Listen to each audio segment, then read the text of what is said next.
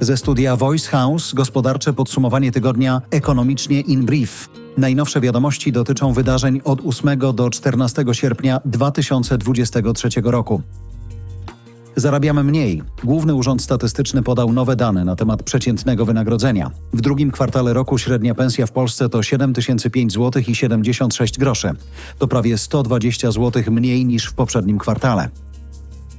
Nowy państwowy gigant w branży kurierskiej? Według ustaleń Rzeczpospolitej rząd planuje połączyć usługi paczkowe Poczty Polskiej z Orlenem. Ministerstwo Aktywów Państwowych rozważa stworzenie spółki, która będzie poważną konkurencją dla firm takich jak InPost, DPD czy DHL. Poczta Polska miałaby zostać podzielona na usługi listowe i segment kurierski. Według opublikowanego raportu spółka wygenerowała w zeszłym roku ponad 5,5 miliona złotych straty. Do rozwoju usług kurierskich potrzebuje więc znacznego kapitału zewnętrznego. Orlen od lat rozwija swoje usługi kurierskie pod nazwą Orlen Paczka. Model funkcjonowania takiej spółki budzi jednak wątpliwości w kwestii rozłożenia udziałów między pocztowego operatora a koncern paliwowy. Oficjalnie żadna ze stron nie komentuje rządowego planu.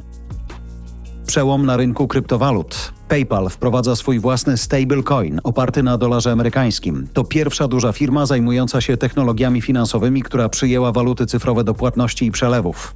Tokeny kryptowalutowe, chociaż istnieją od lat, nie zdołały jeszcze z powodzeniem wejść do głównego ekosystemu płatności.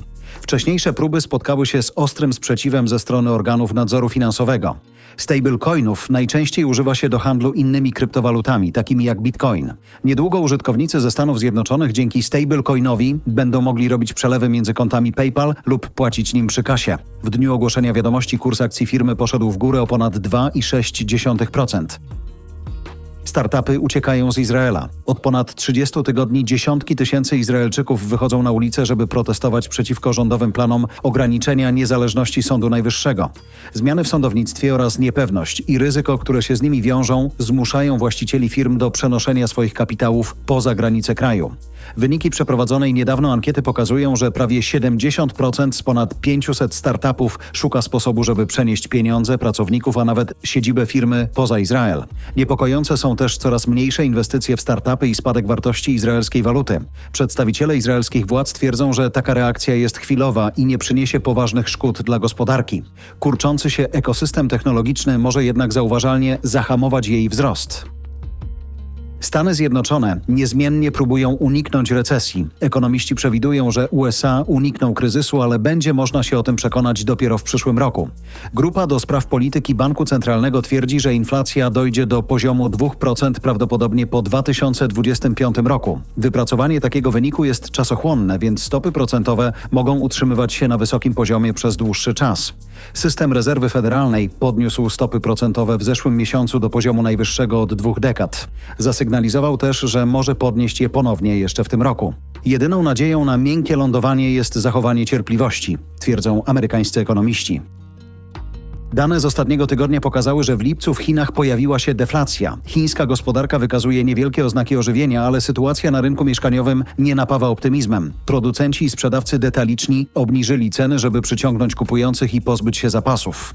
Ulewne deszcze i powodzie miały utrudnić prowadzenie prac budowlanych, co ograniczyło aktywność gospodarczą. Pekin planuje stopniowo wspierać krajowy wzrost gospodarczy, ale słabszy yuan i wysoki poziom zadłużenia zmuszają do zachowania ostrożności. Rosyjska gospodarka rozwija się bardziej niż przewidywano. PKB Rosji wzrósł o 4,9% w drugim kwartale tego roku, podaje Bloomberg. Wygląda na to, że gospodarka Rosji dostosowuje się do wpływu międzynarodowych sankcji i może powrócić do poziomu sprzed wojny już w przyszłym roku. Zwiększone wydatki na obronność pobudzają produkcję przemysłową. Optymistyczną wizję rozwoju gospodarki może jednak zakłócić mobilizacja. Kolejne rekrutacje do wojska mogą pogłębić niedobory siły roboczej. Może to skłonić Rosję do wprowadzenia mobilizacji selektywnej. Oznacza Oznacza to rekrutowanie do wojska osób, których nieobecność nie będzie silnie odczuwalna na rynku pracy.